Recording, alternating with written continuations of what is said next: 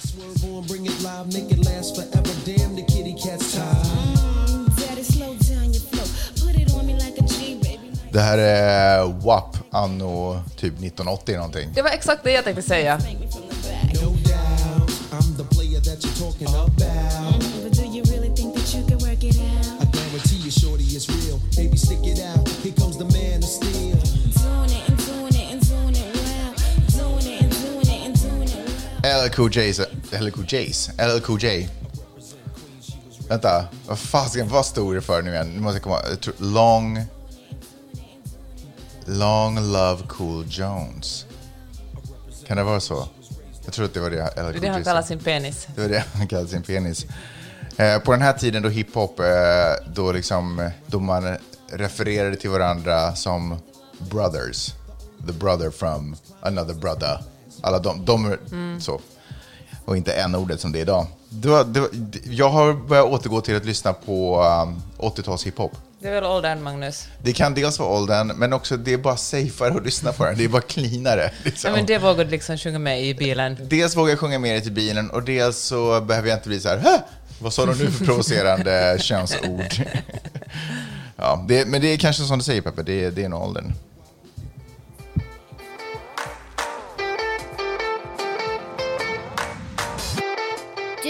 Lyssnar på Magnus och Peppes podcast.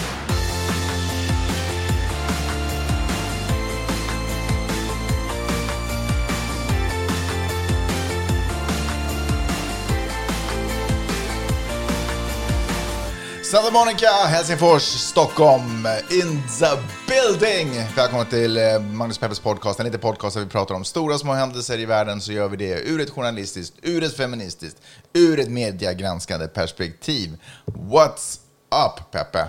Men hördu Magnus, det är bra. Är det Det är bra på den här sidan bordet. Är det sant? Hör du, eh, hur har, eh, hur har din vecka varit? Liksom? Är, du, är du på G? Går du uppåt? Går du neråt? Vad är läget Men för jag dig? är på G. Ja, det går bra. Ja. Jag skriver och har mig, lämnar in ett uh, råmanus här, tar emot ett uppdrag där. Alltså, du producerar ju böcker som jag producerar podcast. alltså, det kommer ut mycket böcker från dig, Ja. Peppe. Ja, men uh, Bokmaskin. någonting, någonting måste man jobba med. Och fler böcker är på G. Mm. Du hinner ju knappt lägga ner pennan eller ta bort fingrarna från tangentbordet innan du är sådär, ja nu ska jag skriva, nä- jag borde börja på nästa nu. Det är ju helt otroligt irriterande för att... För mig. Nej, utan för Jo. mig. För att eh, då finns det... Du vet, man skriver en bok som att läsa på en tenta, man är liksom aldrig färdig med den, utan varje Jag gång har man har aldrig en läst liten... till en tenta, så jag vet inte vad du pratar om. Nej, varje gång man har liksom en liten stund över så då tänker man att ah, fan, jag kunde egentligen eh, läsa mer eller skriva mer. Man är liksom aldrig riktigt ledig.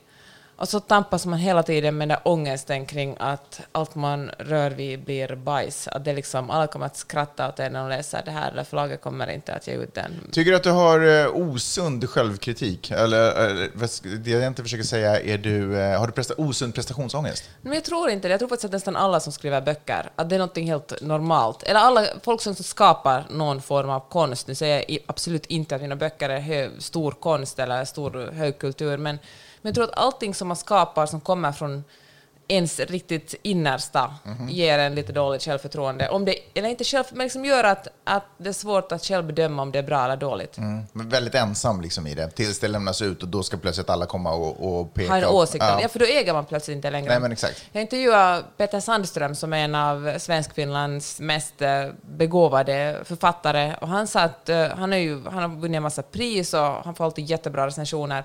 Men han sa ändå att för varje bok han skriver så känner han exakt samma ångest kring vad folk ska tycka om den. Mm. Kan man höra den intervjun någonstans?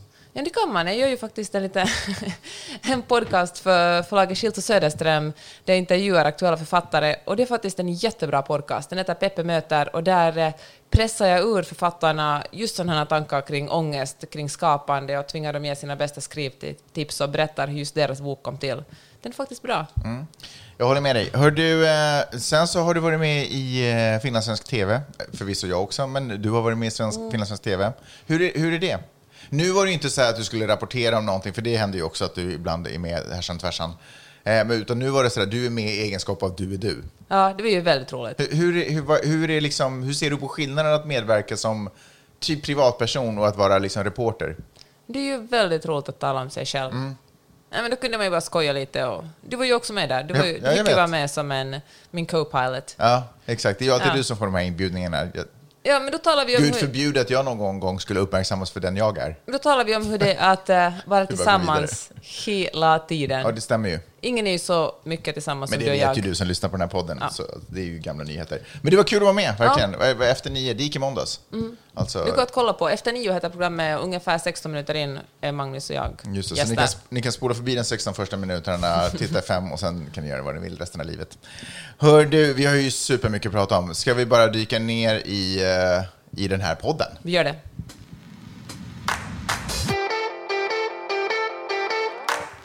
Jag måste erkänna att jag är tyngd, Peppe. Jag är tyngd. Jag är tyngd av allvar, stundens allvar.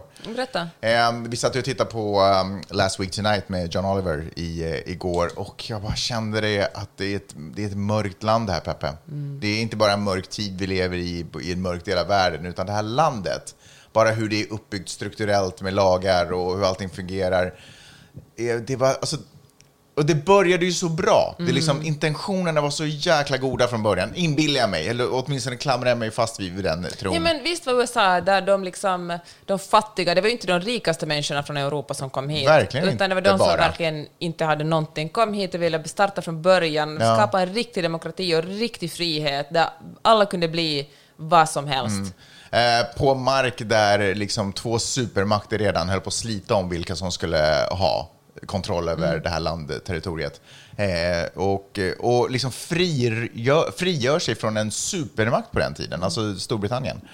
Och, eh, och liksom sätter sig ner, funderar hur ska vi bygga upp den här utopin. Du vet, jag vet inte om du själv har gjort det med dina kompisar någon gång, men efter några glas in ser man sådär, hur skulle en om man själv fick möjlighet att starta, starta en värld, vilka regler och vilka lagar, vad skulle gälla, hur skulle vi bygga upp det? Eh, och det här hade då liksom de här människorna möjlighet att göra då för ett par hundra år sedan och så gjorde de det. Och så liksom fast forward till idag, liksom, där korruptionen har nått sådana nivåer så att det är liksom, det är du vad? obeskrivligt. Man måste ju också påpeka att det var ju väldigt mörkt då också, med slaveriet, kvinnor hade inga rättigheter. Jag menar, det var ju... Det är klart att det var en mörk tid, men någonstans så upplever jag att då fanns en ambition om att vi ska göra någonting bättre. Sen kanske man inte hade förstånd att uppfatta alla delar av ondska. Men här så kalkylerar man med ondska. Man kalkylerar med det mörkaste i både befolkningen, men också i sitt eget hopskrumpna lilla stenklump i hjärta. Ja. Och man spelar fortfarande på saker som borde ha varit utagerade. Man kalkylerar och spelar och trycker på rasistiska knappar och har agendor som är uråldriga, liksom. Som borde ha wipats clean eh, med generationer. Att generationerna, det borde liksom... Darwin borde ha löst det här redan. Liksom, det borde ha, eftersom jag tänker att människan hela tiden har någon form av genetiskt i att sträva att veta mer och lära sig upptäcka och utforska, så borde liksom generationer bara ha sållat bort mycket av den här, men, men de har klamrat sig fast vid det. De har gjort det till, en, till, ett, upp, till ett högre syfte för dem. Nej, men till exempel, Last Week Tonight, han, och du blev verkligen upprörd när du hörde det här. Igår handlade Last Week Tonight om the electoral college, alltså hur de olika delstaterna är representerade när man väljer president. Och det hade väl länge funnits ett förslag att man istället för att räkna elektorer helt enkelt skulle räkna personer. Alltså den presidentkandidat med flest röster vinner valet, som det är på de allra flesta ställen. Men, eh, men eftersom republikanerna då ligger i minoritet skulle de få mycket färre röster eftersom många republikanska, alltså röda stater, har en överrepresentation i, i, av elektroner, ele, elektorer. Så därför eh, gör republikanerna allting för att bromsa en sån här förvandling. Ja, för att hindra minoriteter och rasifierade att rösta. Eh, Som liksom, att Puerto Rico till exempel har inte ens, har inte ens represent, representation. I Eh, senaten, fast, fast ja. är en delstat. Man kan nog ta över landområden, men sen så ger man dem inte... bestämmande Man, rätt. nej, man gör dem aldrig till fullvärdiga Nej. medborgare av staten. Ja. Och, och du vet, det finns ju liksom, det finns ju invalda i senaten och, och till, jag tror till och med att president Trump var en, oh, gud att jag sa så, att Trump var en av dem som inte ens visste att Puerto Rico var en del av Mm. USA, utan man pratade om det som ett u-land i någon annan del av världen. Alltså det, är så mycket som är, det är så mycket som är mörkt. Och det set aside, så... ehm, Ja, nej, jag vet inte. Nej, men precis, bara röstning, men också liksom folks egna agendor och hur man bygger upp det. Vi kommer komma in på det, men hur man bygger upp det Supreme Court och liksom... och, och det är en sak att säga, jag är av den här tron och den här övertygelsen för att jag tänker att då blir det här landet bättre. Men det här är liksom inte att det här blir bättre för alla människor, utan det här blir bra för mig. Det här egoistiska mörka som Nej, Jag, var, jag ble- blev, alltså, min kompis eh, Tommy ringde mig sen på kvällen och skulle typ gratulera mig till ett nytt uppdrag som jag har fått. Eh, och han bara, men hur är läget? Jag bara, det är mörkt, det är mörker, det är mörker. Eh, men jag blev verkligen Men vet du, då får du bara tänka på den här Black Lives Matter-rörelsen och liksom hur folk jobbar för klimatet. Jag menar, det finns mycket mörkt, men det finns också mycket ljus. Det finns många människor som tror på att det finns en, en förändring som leder till större jämlikhet och större ekonomisk jämlikhet och som verkligen vill skrota det här gamla. För det måste ju ändå vara... Alltså Trump, föreställer jag mig, och, liksom, och det här gamla gardet måste väl ändå vara de sista. Alltså som kippar efter andan. Men det sjuka är att Trump har inte ens varit en del av det här etablissemanget. Nej. Du vet, han har bara gjort business, han har ägnat sig åt sitt eget liv och han må vara hur, hur man vill och jag har aldrig haft någon föreställning om att business, vissa företagsledare inte skulle gå över lik för att tjäna pengar. Men hans ambition är på något sätt bara dra in cash, känner jag, och kanske också få en del uppmärksamhet och sitt eget ego smekt. Eh, Men de här professionella politikerna som på något sätt har tagit sig som yrke att tjäna folket och som inte gör det, Nej. som inte har någon som helst ambition att tjäna den amerikanska befolkningen, utan bara vissa delar av det eller något sånt. Det är ju de som är vidriga. Alltså, Trump är ju bara den klämda finnen som vi ser. Liksom. De här, den här dåliga hyn har ju existerat liksom, i eh, decennier och, och århundraden. Liksom. Den har ju aldrig lämnat den amerikanska kroppen. Wow, jag fick till det kanske. Eh, bra! Eh, Jag ber om ursäkt för den ranten. Men hör du, vi, när vi ändå är inne på, på heter det, The Supreme Court, ska vi, ska vi snacka lite om det? Vi gör det.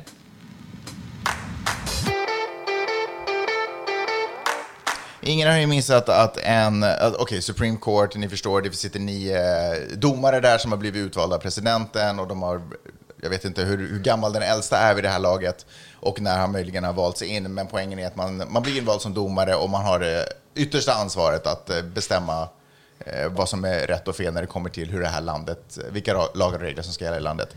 En av de här domarna dog ju nu i veckan, det är ingen som har missat det, RGB kallas hon för och blev en eh, Ruth Bader Ginsburg, kan du väl ändå säga det? RBG, inte RGB, det är en helt annan grej. Eh, nej, för jag kommer aldrig ihåg någonting annat än Ruth och jag orkar inte hålla på och snubbla på namn. Eh, och hon är, har ju varit en eh, feministisk kämpe och förebild eh, eh, liksom för kvinnors rättigheter de senaste decennierna. Och det var ju naturligtvis för de liberala, den liberala sidan var det naturligtvis en stor sorg. Eh, och det hann inte gå, liket han knappt kalla innan Trump har nominerat en ny kandidat som heter Amy Coney Barrett, en kvinna som är 48 år gammal, alltså otroligt ung och den yngsta domare som kommer att, att sitta i, i högsta domstolen i USA. Och eh, det som upprör folk just nu i USA, speciellt liberaler, är att det är så nära in på ett presidentval. Det är ju alltid presidenten som eh, nominerar en ny, en ny domare i högsta domstolen. Men eftersom det så snart är val... Och det, senaten som godkänner den sen. Precis, och senaten är ju republikansk just nu, och, eh, eller har republikansk majoritet just nu. Och eftersom vi ligger så nära in till ett presidentval så då hoppades många på, faktiskt en, en majoritet av USAs befolkning, när man gjorde gallupundersökningar, hoppades på att, eh, att man skulle vänta tills efter valet på att välja en ny, en, en ny domare. Eftersom hon, den här Amy Coney Barrett är en konservativ domare. Och de här domarna är ju så tillvida inte politiska att de säger, när de svärs in säger de att de ska tolka lagen så rättvist som möjligt och de ska inte gå någons ärenden. För det är ju så liksom ett, ett, ett domstolsväsende ska fungera. Men i praktiken betyder det här att, att en konservativ domare kommer att tolka lagen enligt eh, konservativa värderingar. Och eh, just den här Amy Coney Barrett, hon har jobbat hos eh, eh, Antonia Scalia som var en, en otroligt konservativ domare som dog för några år sedan. Som också satt i Supreme Court. Och han, eh, han till exempel, han är originalist, vilket betyder att han tolkar konstitutionen, eller tolkade konstitutionen bokstavligen. Han tycker att det som skrevs då ska gälla än idag. Han tycker att, att om man tolkar lagen enligt samtiden vi lever i, då tolkar man den fel. Då liksom förändrar man grundlagen och det, liksom, och det är i sin tur mot grundlagen att tolka den fel. För givetvis så är det juridiska systemet politiskt obundet. Jag menar, domare har ju givetvis som uppdrag att tolka lagen, men här är just, här finns de här två olika skolorna. Att ska man läsa orden exakt så som de står, eller ska man ta de orden åren och sätta in dem i 2020 och se vad, vad skulle, om the founding fathers hade varit här nu, hur hade de då gjort? Och på något sätt försöka se. Och då blir det ju ändå en, en tolkningsfråga eftersom till exempel fanns ingenting som sjukförsäkring när the founding fathers eh, grundade det här landet och skrev konstitutionen. Och eh, då, går liksom, då, då kommer de här domarna att, att låtsas vara historiker eller någon slags eh, Arkeologer. antropologer och tolkar det och säger att hmm, vi tolkar det som om de skulle godkänna the Affordable Care Act eller att de inte skulle göra det. Så det blir ändå en form av tolk- tolkning hur origi- originalist man än är. Får man ändå säga vilket sjukt intressant jobb? Ja, men Alltså- historiker var ganska sura på dem för att säga att ni är domare, ni kommer att, hur ni än anstränger er, ni är inte utbildade i att tolka historien, så det blir liksom ändå någon Nej. slags eh, trasiga telefonen där. Ja, såklart det. Ett annat exempel är ju det här till exempel, man kan luta sig mot eh, konstitutionen och, och säga att alla människor har rätt att bära vapen. Eh, och, i princip vilken sorts vapen som helst. Det är bara det att när konstitutionen skrevs så var det typ mosköter man sprang omkring med och inte maskin och, liksom, eh, med, med, med kulor som kan penetrera pansar. Liksom. Så, att, eh, så det där har ju en, ett exempel på det. Amy Cur- uh, Coney Barrett är alltså ung, hon har sju barn, varav två stycken är adopterade från Haiti. Ett av de här barnen har eh, en funktionsvariation. Hon är väldigt... eh, hon är, hon, är väldigt, eh, hon är en konservativ katolik. Hon tror till exempel inte på aborträtt. Och det är kanske den fråga som har lyfts upp allra mest just nu eftersom ehm, Ruth Bader Ginsburg var, var den som fick igenom aborträtten 1973 i USA var en av rösterna, för det är Ja. naturligtvis majoritet som Men hon jobbar väldigt starkt för det här och hon argumenterade, men det var faktiskt hon tillsammans med några, hon som tog initiativet och för hennes argument var det här att om man, att, eh, all, om man är fri i USA och alla människor har rättigheter till sin egen kropp måste det gälla också abort. Så hon, eftersom det, när, när, när den här liksom grundlagen skrevs i USA fanns det liksom, diskuterade man inte ens abort. Det, fanns liksom inte, det var inte en ja eller nej-fråga, det fanns liksom inte på tapeten. Och eh, nu är man väldigt rädd för att eh, Amy Coney Barrett, när den här abortfrågan kommer upp, som ständigt ligger på tapeten i USA, att hon ska, eh, att hon ska rösta ner det och faktiskt göra så att, att det inte alls blir möjligt att göra abort i USA. Eller att, att, det finns, nej, att det blir tillåtet för delstaten att totalt förbjuda abort. Exakt. Ja. Och många av de här konservativa, så att säga, republikanska röda delstaterna har gjort det otroligt svårt för kvinnor att få abort. Det har vi talat om tidigare i den här podden. I Texas till exempel finns det här lagstiftning som säger att man får att abortkliniker måste ha samma faciliteter som sjukhus och eftersom många abortkliniker inte har till exempel inte tillräckligt breda gångar som för att två stycken eh, sängar ska kunna möta varandra, så är de tvungna att stänga ner och det har gjort att många kvinnor som måste utföra abort är tvungna att åka jättelångt och det har de kanske inte råd till eller inte möjlighet till. Och eh, om man förbjuder abort leder det ju givetvis inte till färre aborter, utan det leder helt enkelt till en massa farliga aborter. Då liksom i Texas är den liksom eh, gör man, liksom ola, gör man aborter liksom med folk som inte är utbildade eller köper liksom abortbilder från Mexiko. Det, är liksom, det gör helt enkelt livet mycket farligare för kvinnor. Jag har faktiskt tittat lite på uh, abortfrågan i amerikan, eller liksom historiskt i amerikansk politik. Jag tänkte vi, vi ska återkomma lite till det, men vi har mer att prata om vad som händer just nu. Och att hon är 48 år är också ganska, är, är, inte oro, alltså oroväckande för många eftersom det betyder att eftersom man sitter på livstid i, i den här högsta domstolen så kommer hon att sitta länge. Och det är den, hon är den tredje, tre- den tredje domaren som, som Trump har då utnämnt. Brett Kavanaugh, som du kanske kommer ihåg, som blev anklagad för att ha våldtagit en kvinna för jättemånga år sedan. Han är bara, bara 55 år gammal, så han kommer också att sitta väldigt länge. Så det här att man, man, att man har en, en, en, liksom en, domstol med, med en, en konservativ eh, majoritet innebär att de kommer att sitta mycket, mycket längre. Även om Trump blir omvald och sitter i fyra år till kommer den här liksom konservativa majoriteten antagligen att, att finnas mycket längre. Mm. Men återigen, de är inte partipolitiskt bundna, de är naturligtvis filosofiskt guidade eh, av sin egen, sin egen tro och vad det nu tusan kan vara. Men, men den här eh, Kavanaugh som du till exempel refererar till, han har ju faktiskt också, i- det har funnits fall då han har nog röstat vad som skulle kunna, i- åt ett håll som skulle kunna tolkas som mer liberalt. Så att, som sagt, de, är ju, de tolkar ju lagen utifrån sina egna ja, filosofiska, vad ska man säga, riktlinjer. Eh, vi, eh, vi ska prata mer om eh, Trump. Eller jag tänkte bara bjuda på lite det senaste på tapeten när det kommer till Trump.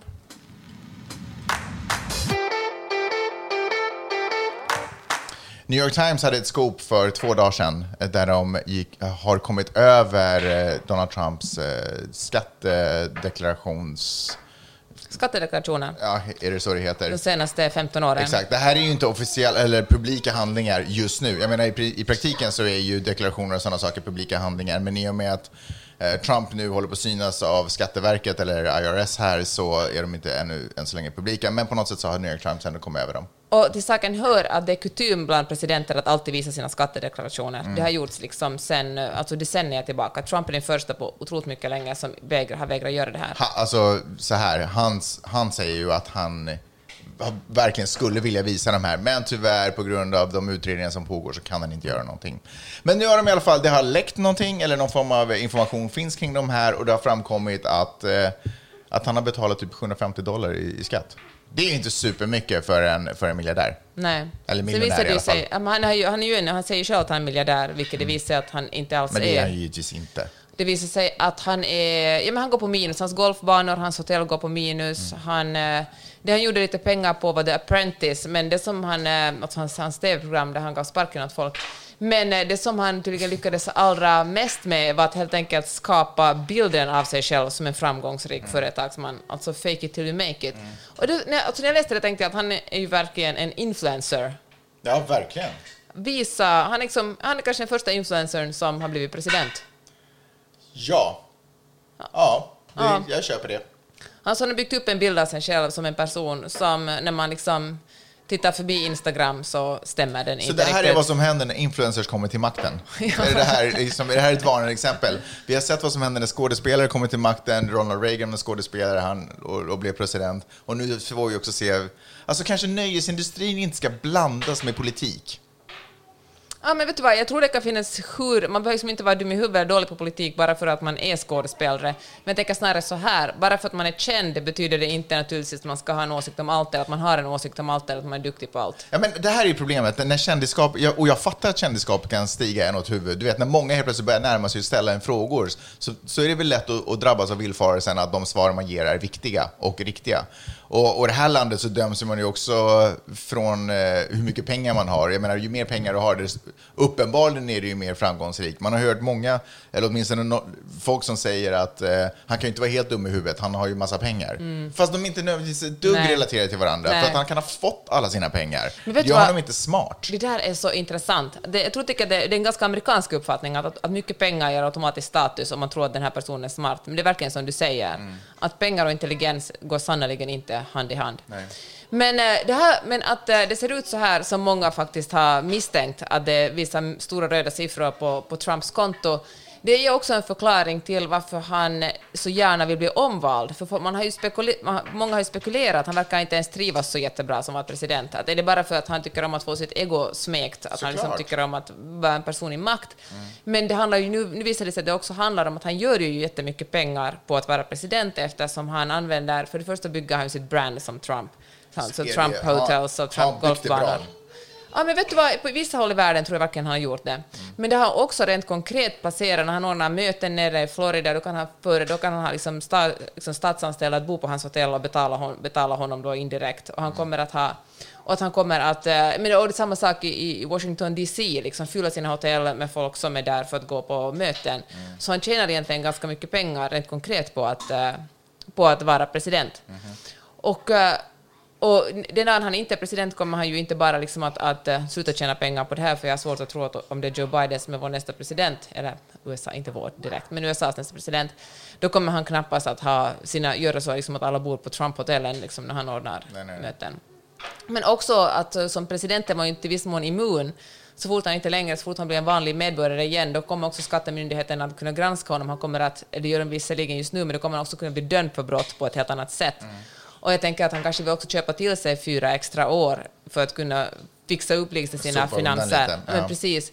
För att om det är så att i januari står han där som en vanlig, inte längre liksom president, så kan, det verkligen, kan han verkligen få grova böter. Jag läste någonstans att han till exempel har, har skrivit av 750 fan kan det vara 750 miljoner, alltså Ja. en jättestor summa pengar på grund av att hans, hans eh, hotell och hans golfbana har gått så dåligt. Mm. Om det visar sig att han har skrivit av de här eh, skatterna på falska grunder, till exempel, han så, till, så då kommer han vara tvungen att vara åter, skyldig att återbetala det här och det har han kanske inte råd med. Nej, precis. Jag ska säga det för att det här faktum är... Ah, okej, Okej, så när den här nyheten spreds, när den kom ut, då var ju Donald Trump själv, stod ju i en presskonferens och svarade på frågor från pressen eh, och visste inte att det här var, hade hänt. Eh, och Det säger, var ingen slump att, York Times släppte nyheten just då. Säkert inte. Och samtidigt då som han är där så börjar det bipa i folks telefoner och, och folk börjar ställa frågor angående det här. Naturligtvis var han ju direkt på det och säger att det här är fake news, det stämmer inte alls. Eh, det här är liksom en smutskampanj nu inför valet från New York Times som aldrig skriver snälla saker om mig anyway. Fake news.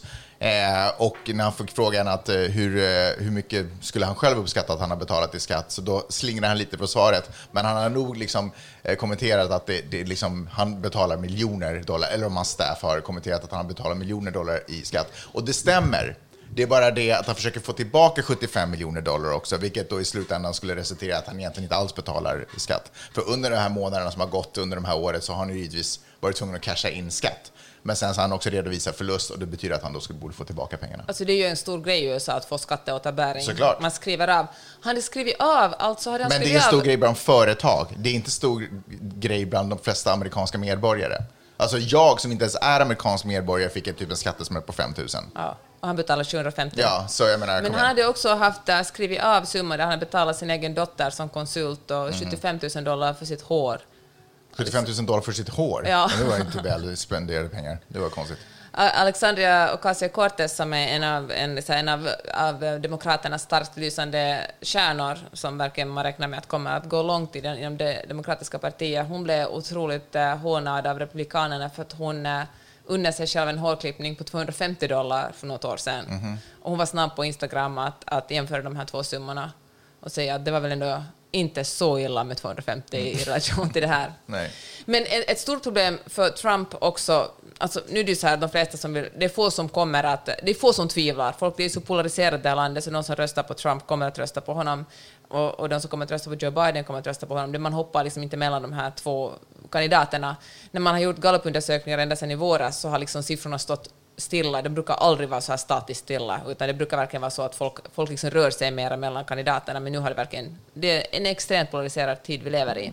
Det som man däremot... Det som kandidaterna är oroliga för är några få väljare som inte alls har bestämt sig ännu, och att väljarna verkligen ska rösta. Alltså att verkligen, USA är ju traditionellt ett komplicerat att, att, eh, att rösta, och, liksom, och det är komplicerat, och, det, och valdeltagande brukar vara liksom väldigt lågt, alltså jämfört med många andra demokratiska länder. Men det som, och nu har Joe Biden har lett i nästan, han har lett när man frågar vem man har större förtroende för, för pandemin, utrikespolitik, inrikespolitik, liksom med miljön. Det enda som Trump har lett i är att folk har större förtroende för honom inom ekonomin. För det är ju något som man basunerar ut. Han har sagt att han kommer att leda det här landet som ett, han leder ett företag, han är en framgångsrik businessman. Och nu visar det sig att han är ju inte alls så framgångsrik. Och det, är liksom, det var hans, hans, sista, det är hans sista S som han har på handen, att vara liksom en, en, en bra businessman. Och då har man liksom såklart... Ja, men det är det som hans, hans eh, kampanj antagligen oroar sig nu för. Kommer folk att liksom, kommer han att förlora det sista förtroendet där han har lett i, eller i Joe Biden i, i undersökningar? Fast med? där måste jag säga att det är ju inte hans sista S. Hans sista S, som är det som förmodligen kommer vara anledningen till att han klarar sig, är att han har fanatiska väljare. Han har arga och fanatiska väljare som, som helt i blindo har investerat allt av sitt eh, investeringskapital. Och då menar jag inte pengar utan liksom vad man tror och vad man, Mm, väljer, att, vad man väljer att följa. Eh, och kommer ju bara följa honom till döden. Du vet, han, det här är ju liksom då det här eh, mörkret som bara vilar över mig. Inte nog med då att jag är ganska säker på att det här nyheten inte kommer påverka honom överhuvudtaget. Eh, så det har ju också pratat om att om Biden skulle få flest röster, och då menar jag inte det popular vote, utan jag menar de facto har vunnit, Elektorer. ja, vunnit liksom enligt de här el- elektorgrejerna, så har ju nu då Trump ganska snart, eftersom senaten kommer godkänna hans, eh, hans domare eh, till Supreme Court, så har ju då Trump eh, jättemånga domare där uppe. Nej, Han, okej, personligen har inte det, men han har åtminstone lagt upp det så att han har otroligt mycket större chans för om det blir en dispyt kring valet och hur röster ska räknas och om det är omräkning eller hur som helst så kommer det gå till Supreme Court. Och om det finns personer där med konservativa värderingar som kanske nog i hjärtat skulle vi hellre vilja se en republikansk president så har hon åtminstone lagt förutsättningarna för eh, att mycket större chans kunna sitta kvar och vinna ett sånt, eh, eller att fallet läggs ner eller vad tusan som helst, att det går hans väg och att han får fyra år till bara genom liksom fusk helt enkelt. Och det är också ett mörker, att det här landet är så sjukt korrupt att det till och med har underminerat och förstört så mycket av demokratin, eller dem, demokratins funktioner. Liksom. Det, traditionellt är republikanska väljare äldre väljare medan demokrater är yngre väljare och traditionellt brukar faktiskt fler republikaner poströsta än demokrater. Men just i det här valet, på grund av pandemin, är demokraterna mer försiktiga. Det är fler demokrater som använder ansiktsskydd och det är fler demokrater som väljer att poströsta för att inte utsätta andra för att eventuellt smitta ner dem. Så man räknar med att eh, många fler demokrater i jämförelse med republikaner kommer att poströsta och att det kanske gynnar gynnar eh, Donald Trump just på själva valnatten eftersom det då kan kanske få liksom fler röster då. Mm. Och det kan också gynna honom efter valnatten, för posten just nu i USA har enorma problem. De har ju naturligtvis ingen stöd av Trump just av den här anledningen. Eh, och jag var faktiskt precis på post, eh, vårt post, lokala postkontor här uppe för gatan och de sa att jag skulle inte rekommendera att du skickar det här brevet med posten utan att du använder liksom Fedex eller några av de andra servicerna. För posten, de är underbemannade, alla beställer saker över nätet nu, ingen går i butiker, så de, de har liksom paket försvinner, paket registreras inte, paket kommer fram som de inte ens visste hade funnits i systemet för att folk bara tar dem och springer. Liksom. Eh, och så. Eh, och, och det är klart att de, och det är poströster där inblandat, så det ser ju inte bra ut. Alltså. Jag har ju inte superstora förhoppningar på det här valet. Att det skulle bli ett rättvist och härligt val. På tal om, om Trumps väljare så läste jag att eh, en, man gjorde en undersökning, jag tror det var New York Times jag läste det här, att eh, man frågade amerikaner om, livet, om de trodde att livet var bättre för 50-talet eller idag.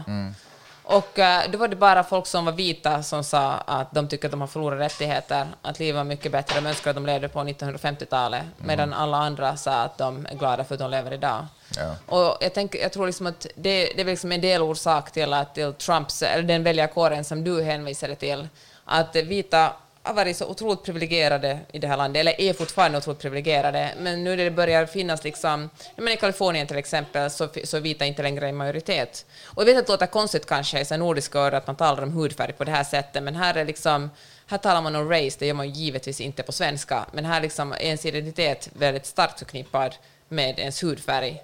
Och, Ja, man måste göra det här därför att lagen drabbar olika folk olika. Precis. Och om vi pratar som att vi alla är samma och alla lika, då kommer vi aldrig till kärnan i problemet. Då kommer vi aldrig kunna diskutera det på ett nyktert sätt. Så det har varit ganska soft att vara vit, eller det är fortfarande väldigt soft att vara vit i USA eftersom man har fått så många fördelar. Men nu när det här landet trots allt rör sig mot att bli liksom jämlikare och det finns allt fler människor med annan hudfärg så känner sig vita människor hotade och då vill de ha en gammal rasistisk gubbe som säger att jag kommer att försvara era rättigheter och bestraffa dem med annan hudfärg hårdare. Mm. Ja, alltså... Um, jag känner nästan så här, ge honom fyra år till, vi tar fyra år till och sen så är det över. Känner du verkligen så? Nej, men alltså, man bara liksom får bort det här... uh, jag, vill inte gå, jag tar hellre att han bara tar fyra år än att jag måste gå igenom att jag ser att fusk pågår. Och att det liksom har gått oärligt till. Men liksom. det, om han sitter i fyra år till hade det ju gått oärligt till. Jo, Alltså, men jag menar, sådär, Biden- vi, om vi bara skänker honom de fyra åren, alltså förstår du vad jag menar? Vi Hypotetiskt. okej, så som man gör med ett trotsigt barn liksom. Ja, ta den här glassen, glassen. då för helvete. Liksom. Men sen är glassen slut och du har vuxit upp. Nej, men då sitter han fyra år till, då hinner han ju fucka upp det här demokratin ännu mer. Ja, men sen så tänker jag sen finns det ingen mer republikan som kan ta över och sen så kanske man kan få lite lugn och ro med demokrater. Men då, sen sitter ju hans son, alltså Trump. Jaha, du tänker att, han, att det kommer börja gå i arv, titlarna Ja, sen? men han, har ju, han kommer garanterat att ställa upp. Han kommer garanterat, kanske inte som president nu genast, men definitivt liksom för eh, alltså representant, representanthuset. Han gör ju nu en sån här rallies, alltså. Han samlar människor, han står på en scen och liksom är mini-Donald Trump och pratar med folk. Han Äh, Fy kommer... fan vad obehagligt. Fy fasiken vad obehagligt. Eh, Molotov. Molotov. Va? Molotov. Nej, vänta. Nej, nej, nej, nej, nej, det är inte Molotov cocktail jag tänker på. Jag tänker på... fan hette den där snubben? Ah, skit i det. Vi går vidare. Snyggt.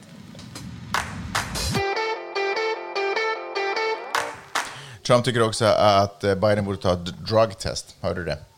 Ja. Det var ju den nyheten han försökte spinna runt lite och ha lite kul runt innan det läckte med hans, eh, med hans deklaration och han fick lite annat att prata om och försvara sig mot. Men eh, då, då var det ju hans, hans senaste mantra var att Biden borde ta ett drugtest. Därför att han har gjort research nu då inför eh, de här, den här debatten som går av stapeln ikväll. Herregud, vi måste ju prata om den också.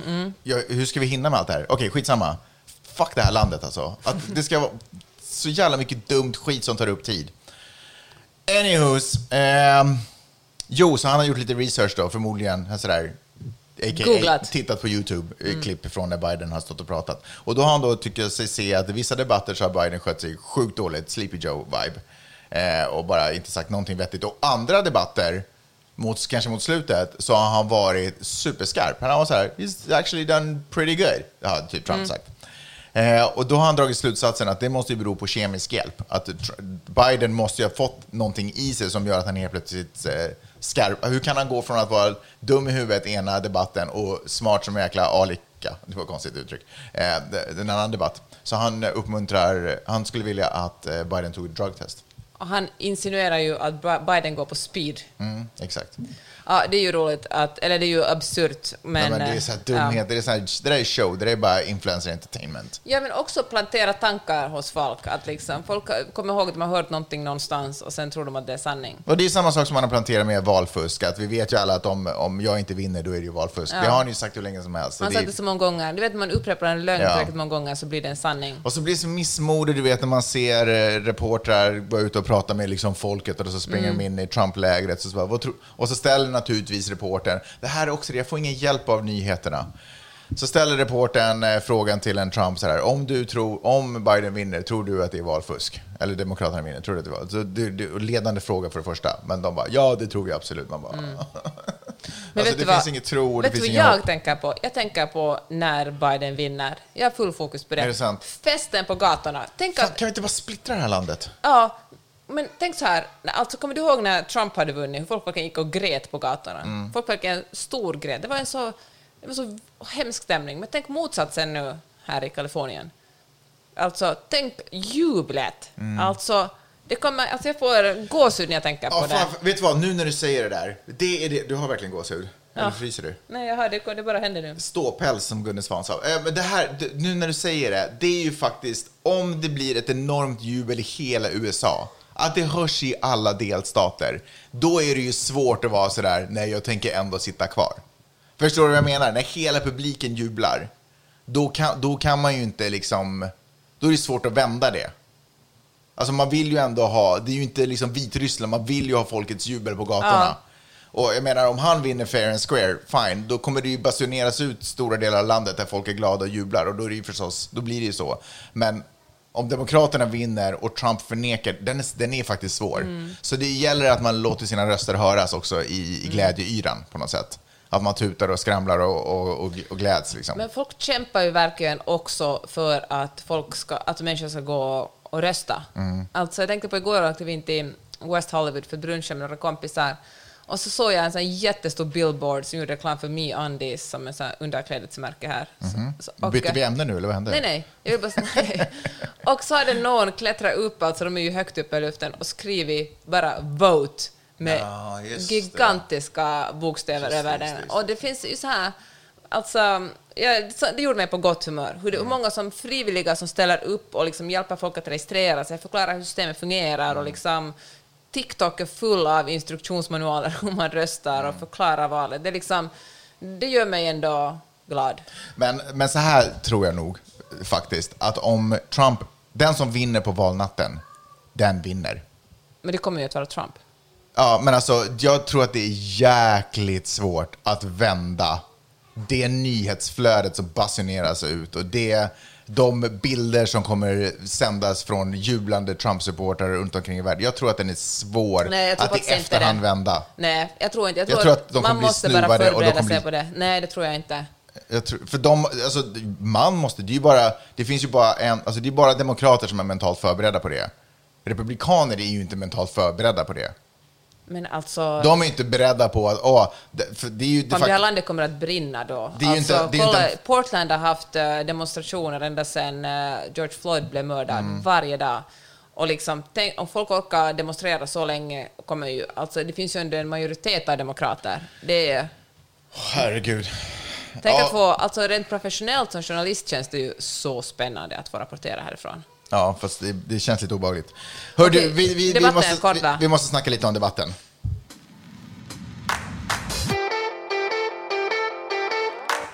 Idag, eh, lokal tid, så kommer då den absolut första presidentkandidatsdebatten, eller vad fan det nu heter, mellan Trump och Joe Biden att hållas. Eh, det kommer sändas live på, på YouTube, olika kanaler. Nästan alla, är- jag satte på YouTube, som har så här, alla har förberett. Eh, Så här, ABC har förberett, C-SPAN har förberett, och alla har liksom förberett för att det New York Times kommer att sända och kommentera. Mm, just det. Eh, och eh, ja, alltså jag utgår inte från någonting annat än att det kommer vara underhållande att titta på. Eh, jag utgår inte från någonting annat än att Biden kommer, alltså, jag kommer, alltså att jag kommer tycka att han gjorde bäst ifrån sig. såklart. Eh, jag utgår inte från någonting annat att Trump efterhand kommer säga att, han, vann. att, alla, att alla nyhetsmedier har rapporterat att han vann. Och jag utgår inte från någonting annat än att det här inte kommer spela någon roll för hur Nej. utgångs, liksom, utgången av valet. Alltså här är det, alltså, det här är ju Trumps element. Och eftersom Chris Wallace, som är en eh, journalist och programledare på Fox News, i och för sig en som faktiskt en av Liberal. få som brukar vara kritisk mot Donald Trump. Han är liberal. Han kommer inte att fatta... Jag tror att han kommer från CNBC från början och gick över dit. Ja. Han, eh, han, kommer, han kommer att eh, leda debatten Mm. som enda. Det brukar ju vara fler. Det här lärde du mig faktiskt förra gången vi spelade in den här podden och sen raderade den.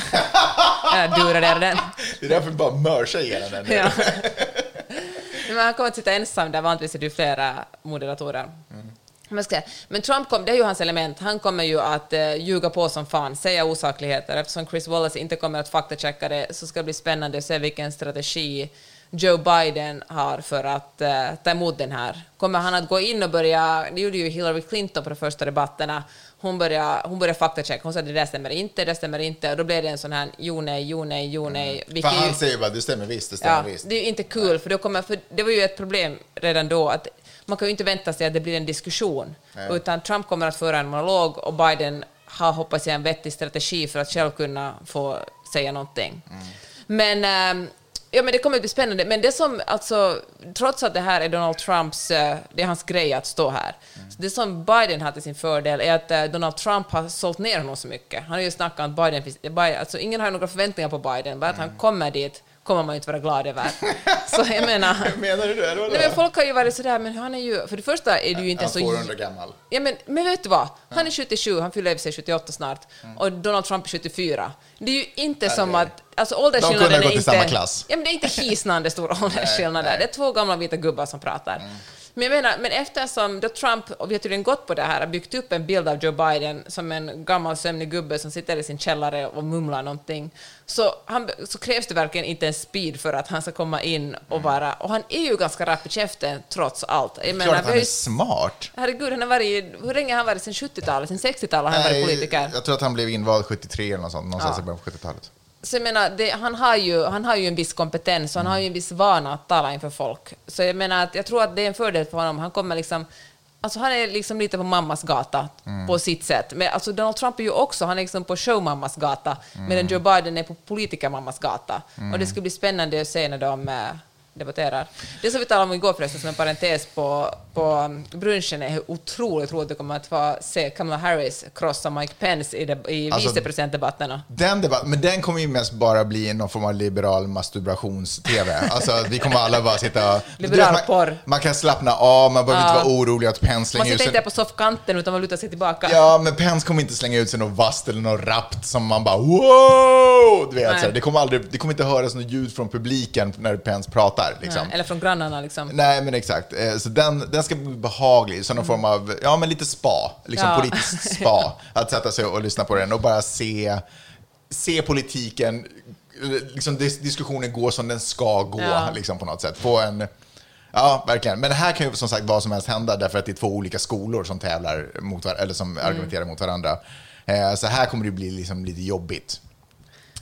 Eh, men eh, det är ingen snack om saken. Vi har ju äntligen fått ta på ett soffbord. Vi har ju suttit utan soffbord här nu sen vi flyttade in. Och, väldigt viktigt att vi har soffbord för ikväll så att vi kan ladda upp med chips, glass, kanske lite vin, lite champagne. Alltså vad, allt. Allt, allt, allt, alla Jag tror jag kommer vara för nervös för att kunna få i mig Nej, någonting. men det är ju ingenting att vara nervös över. Det här kan jag ändå känna. Det är ingenting att vara Om det här var ett riktigt val, superviktigt hur de gör ifrån sig under debatten. Det vill man ju veta. För nu kan grodor komma ut som kan bli avgörande. Nu kan otroligt smarta saker sägas som gör att man säger wow, jag går åt det hållet. Här, det har liksom ingen, ingen betydelse. Att New York Times eh, reportage om, eh, om eh, Trumps eh, skattedeklaration kom ut nu är ju heller ingen slump. Det kommer ju att dominera den här diskussionen. Jag tror att det nominerar. Kommer det han tror jag. verkligen ägna mycket tid Ja, det åt tror jag den? verkligen. Han behöver ju bara säga Biden fake kommer, news. Ja, jag tror att Joe Biden kommer att ifrågasätta honom som framgångsrik eh, som business Jag tror att han kommer ge magnat. gliringar snarare än att han tar upp det som diskussion. Men det som är intressant är, kommer de att diskutera klimatförändringen? Mm. Det brinner ju, nu har tre människor dött igen i norra Kalifornien på grund av bränderna, och, liksom det, och det är inte bara Kalifornien, liksom Oregon och, liksom, Mm. Och eh, Washington som, som brinner också. Kom, för ett, ungefär fyra år sedan när Donald Trump debatterade mot Hillary Clinton kom det inte upp alls. Nej. Visst är det otroligt? Det är faktiskt otroligt. Men jag undrar om... Ja, jag, jag, ska, jag ska inte analysera den i efterhand. Det finns folk som har gjort det way bättre.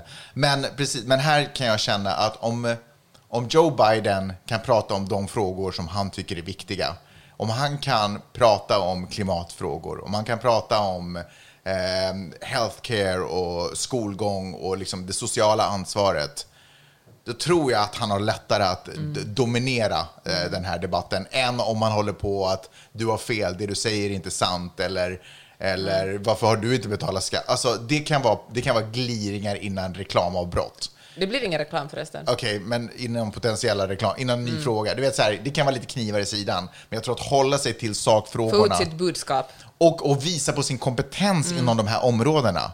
För Trump har ingen kompetens i något av de här områdena. Nej. Han har inte ens kompetens i sitt eget liv. Liksom. Så jag tror att om man bara visar på det kunnandet Ja. och inte älta kanske heller så mycket om jag har gjort det här sedan 73. Det är ingen som bryr sig tror jag, utan bara visar här är jag idag, Mm. det här är vad jag kan. Liksom. Det tror jag kan vara ett segerrecept. Vi får se. Vi får se.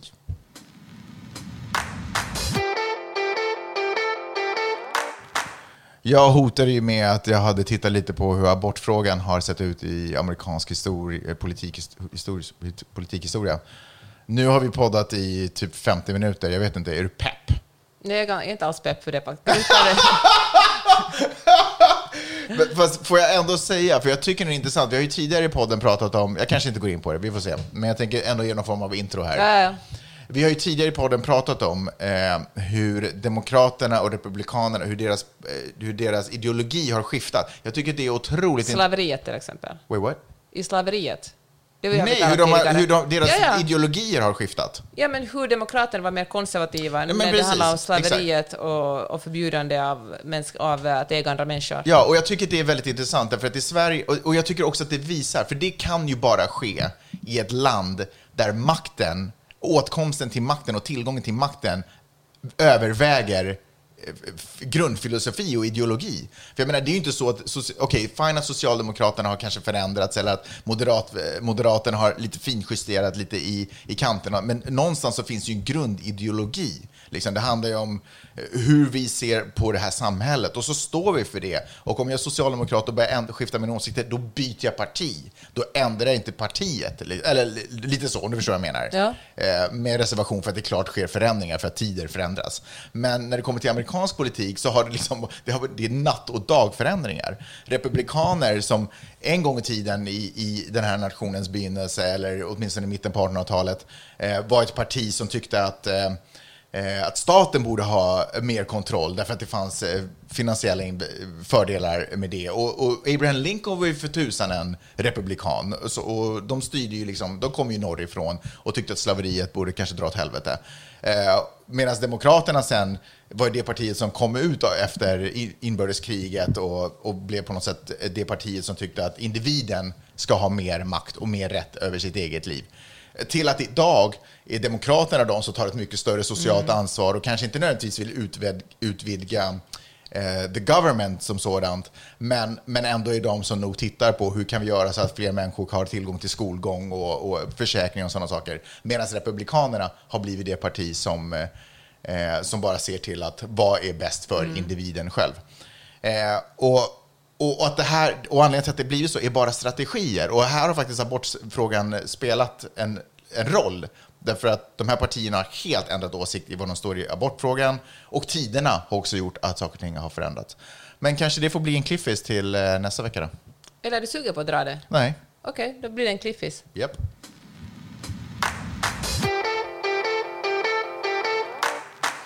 Jag tänkte att vi skulle börja runda av. Vad känner du om det? Ja, Men jag skulle vilja prata om en grej till. okej. Vi kollar nämligen på eh, en dokumentär.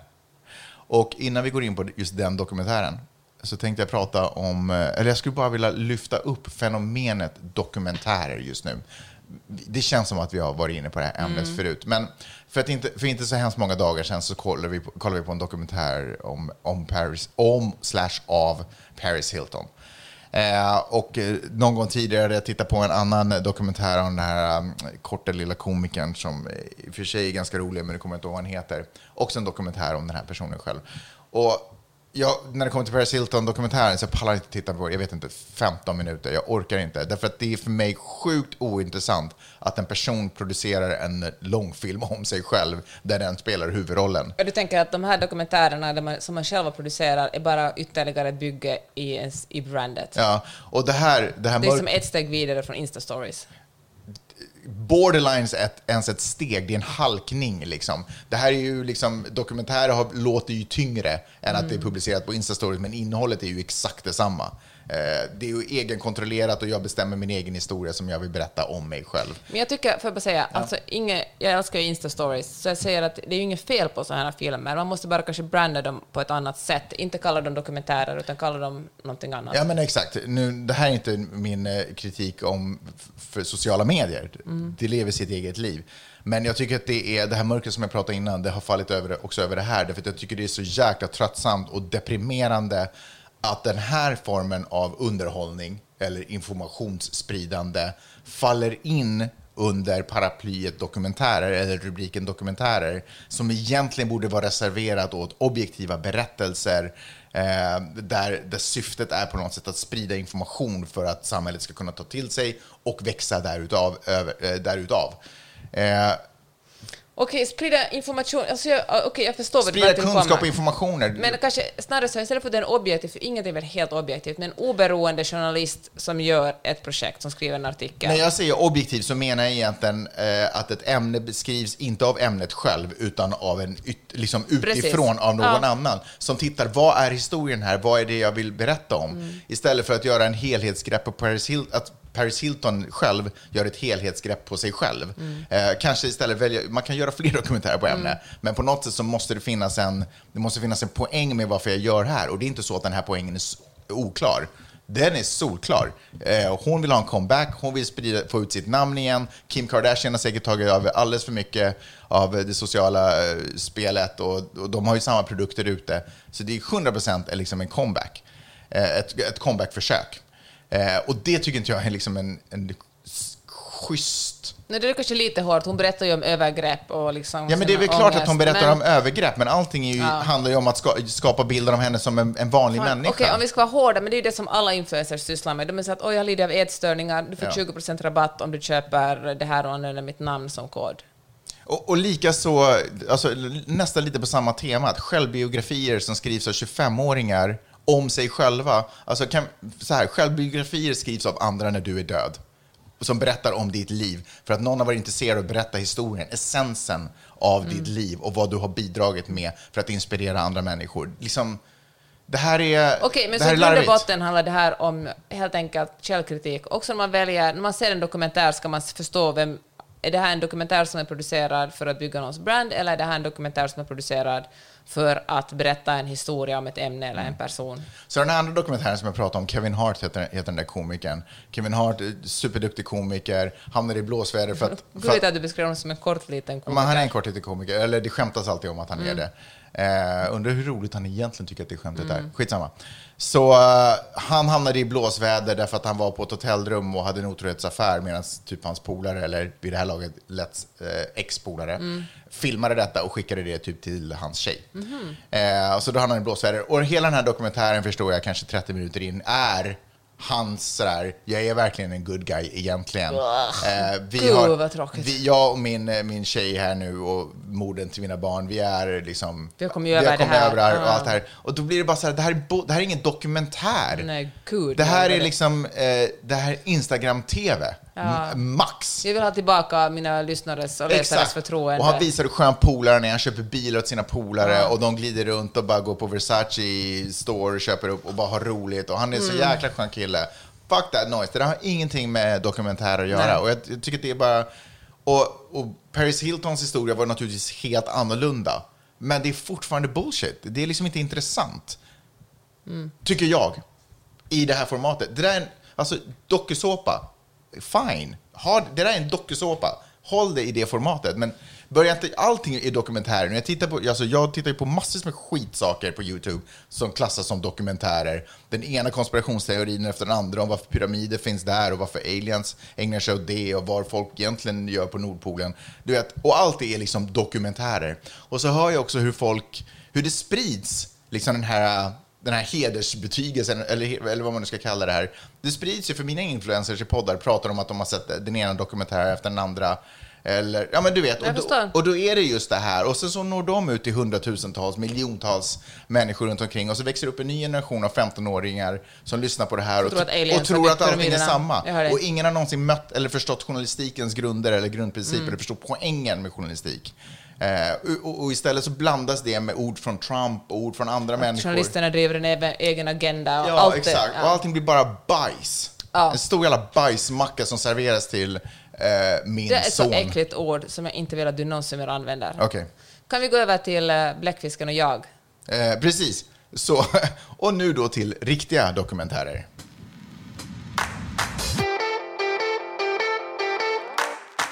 Så det här är historien om en eh, man, vad heter den nu, Bläckfisken och jag, heter den så? Vad heter den på engelska? Uh, the Octop- Octopus My Teacher. The Octopus My Teacher. Eller My Teacher the Octopus. Mm. Så det handlar om en, alltså en superfin eh, berättelse eh, som eh, finns på en av streamingtjänsterna. Netflix. Netflix. Eh, och det handlar om en man som går in i väggen. Han, jobbar, han är dokumentärfilmare, han går in i väggen. Han har tillbringat mycket tid i Afrika. Han kanske till och med bor i Sydafrika. Eh, tillbringar mycket tid i andra länder i Afrika och, och, och dokumentärfilmat och ägnat sig åt sånt. Sen går han in i väggen för han bara jobba, överjobbar sig själv. Eh, och sakta men säkert, eller han, han bestämmer sig för att ta upp en hobby som han hade som barn, nämligen att fridyka. Och han bor på en fantastisk plats där det finns en sån här kelp, eh, skog, alltså eh, sjögräsdjungel på svenska. Eh, och han bestämmer sig för att gå, återvända till det här vattnet och fridyka. Liksom. Eh, och det är ett kallt vatten, men på något sätt så finner han in någon lugn i att röra sig i den här kalla, tyngdlösa miljön. Och och det går så pass långt att han till och med börjar få tillbaka liksom, kärleken och fascinationen för att ta bilder. Så han tar med sig kameran och sådana saker. Och så på en av de här eh, turerna, eller en av de här dyken, så möter han en liten bläckfisk. Eh, som aldrig får ett namn, men som blir She ganska snabbt. Eh, vilket jag tycker är ganska intressant. Att det är liksom så. Eh, och, han, och han upplever att det är något speciellt med den här bläckfisken. Och, då får, och det här låter ju som en tecknad Disney-film. Och det kommer garanterat göra sen, eh, känns det som. Eh, men han känner att det är något speciellt med den här bläckfisken. Och, och han bestämmer sig också för att han varje dag från och med den här dagen ska dyka, jag vet inte hur sporadiskt han gjorde det innan, men varje dag från och med den här dagen ska han dyka ner till det här boet där den här bläckfisken bor och bara se vad som händer. Och eh, tiden går och de börjar utveckla, jag ska inte säga en relation, men de börjar mötas och bläckfisken blir mindre rädd för den här eh, personen som inte ens kommer vet vad han heter faktiskt. Eh, och, och så småningom så börjar de liksom nudda varandra och lite sådär. Och, alltså, jag vet inte om det är bara min hjärna, men det finns inga sexuella undertoner i det här, men han pratar om det som om jag skulle prata med en, en tjej som jag har blivit lite nyförälskad i. Sådär. han Elektriciteten hittar- när man träffas och nuddar Han hittar varandra. någonting i den här bläckfisken som helar honom, som gör honom till en lycklig människa. Ja. Det, alltså det är en jättefin historia, det är otroligt vackert filmat där han- under vattnet. För han börjar ju följa, för en bläckfisk lever då tydligen bara ett år, eller den här arten av bläckfisk lever bara ett år, så han får ju liksom, och varje dag i ett års tid så är han letar han upp den här bläckfisken. Så han får ju följa den här bläckfisken också dess livsspann eh, och allting som den biologiskt har inprogrammerat i sig och det på något sätt och deras relation så skapar det här någon form av läkande. Han får en bild av sitt eget liv och börjar förstå saker. Det som jag tog med mig från den här dokumentären var hur fint det är med vänskap arter emellan. Alltså, Ja, men det är ju för att det är människor- magiskt, för att det är också... eh, Människor, djur, men också olika sorters djur. Liksom. Djur Mm. som tycker andra djur är gulliga. Och, och så finns det en scen där den här bläckfisken leker med ett stim fiskar, alltså som bara nöjer, liksom har kul med det här stimmet Mm. Den fiskar. sträcker upp en arm åt ena hållet och då dras stimmet åt andra och så sträcker den upp, för den ligger liksom under stimmet. Och det är så fint. Och, det, och då berättar, säger han att han såklart forskar jättemycket om bläckfiskar och säger att en bläckfisk av den här arten kan bli lika smart som en hund eller en katt. Alltså de har, det är liksom en mollusk, men de har liksom en otrolig inlärningsförmåga. Förmåga. De kan liksom göra små strategier och han liksom lära sig själv hur man jagar bäst och uppenbarligen hur man leker. Och då slog det mig att folk som inte respekterar djur är fan... Alltså det måste vara något empatistört med det. Alltså det, att inte se djur, alltså djur, levande varelser som har en förmåga att leka och liksom planera och känna skräck och känna lugn, att inte respektera dem, då måste man fan ha, men då har man en empatistörning, eller är lite dum i huvudet. Jag har ju en eh, empatistörning som gör att jag har väldigt svårt att uppfatta djur som söta. Ja. Vi kanske inte behöver fördjupa oss i det. Eh, En grej som jag skulle vilja bolla med dig där. Eh, Varför, varför är det här en dokumentär och inte historien om Kevin Hart eller Paris Hilton? Jag vet inte om du uppfattar Paris Hilton som en dokumentär. Liksom så, men Nej, jag håller med dig till 100 procent om att någonting man själv har producerat per definition inte kan vara en dokumentär. Sen tycker jag vi att uh, Paris Hilton tog upp viktiga frågor, alltså som hennes trauma och liksom den här, det fanns en rörelse som handlar om att barn som är, tonåringar som är vilse ska man tukta till lydnad genom att väcka upp dem mitt i natten och kidnappa dem. Alltså ens föräldrar kommer överens om det här, att komma överens med liksom en, en skola, så tar man dem och för dem till den skolan. Och, det här är trauma som många bär med sig genom hela livet. Liksom.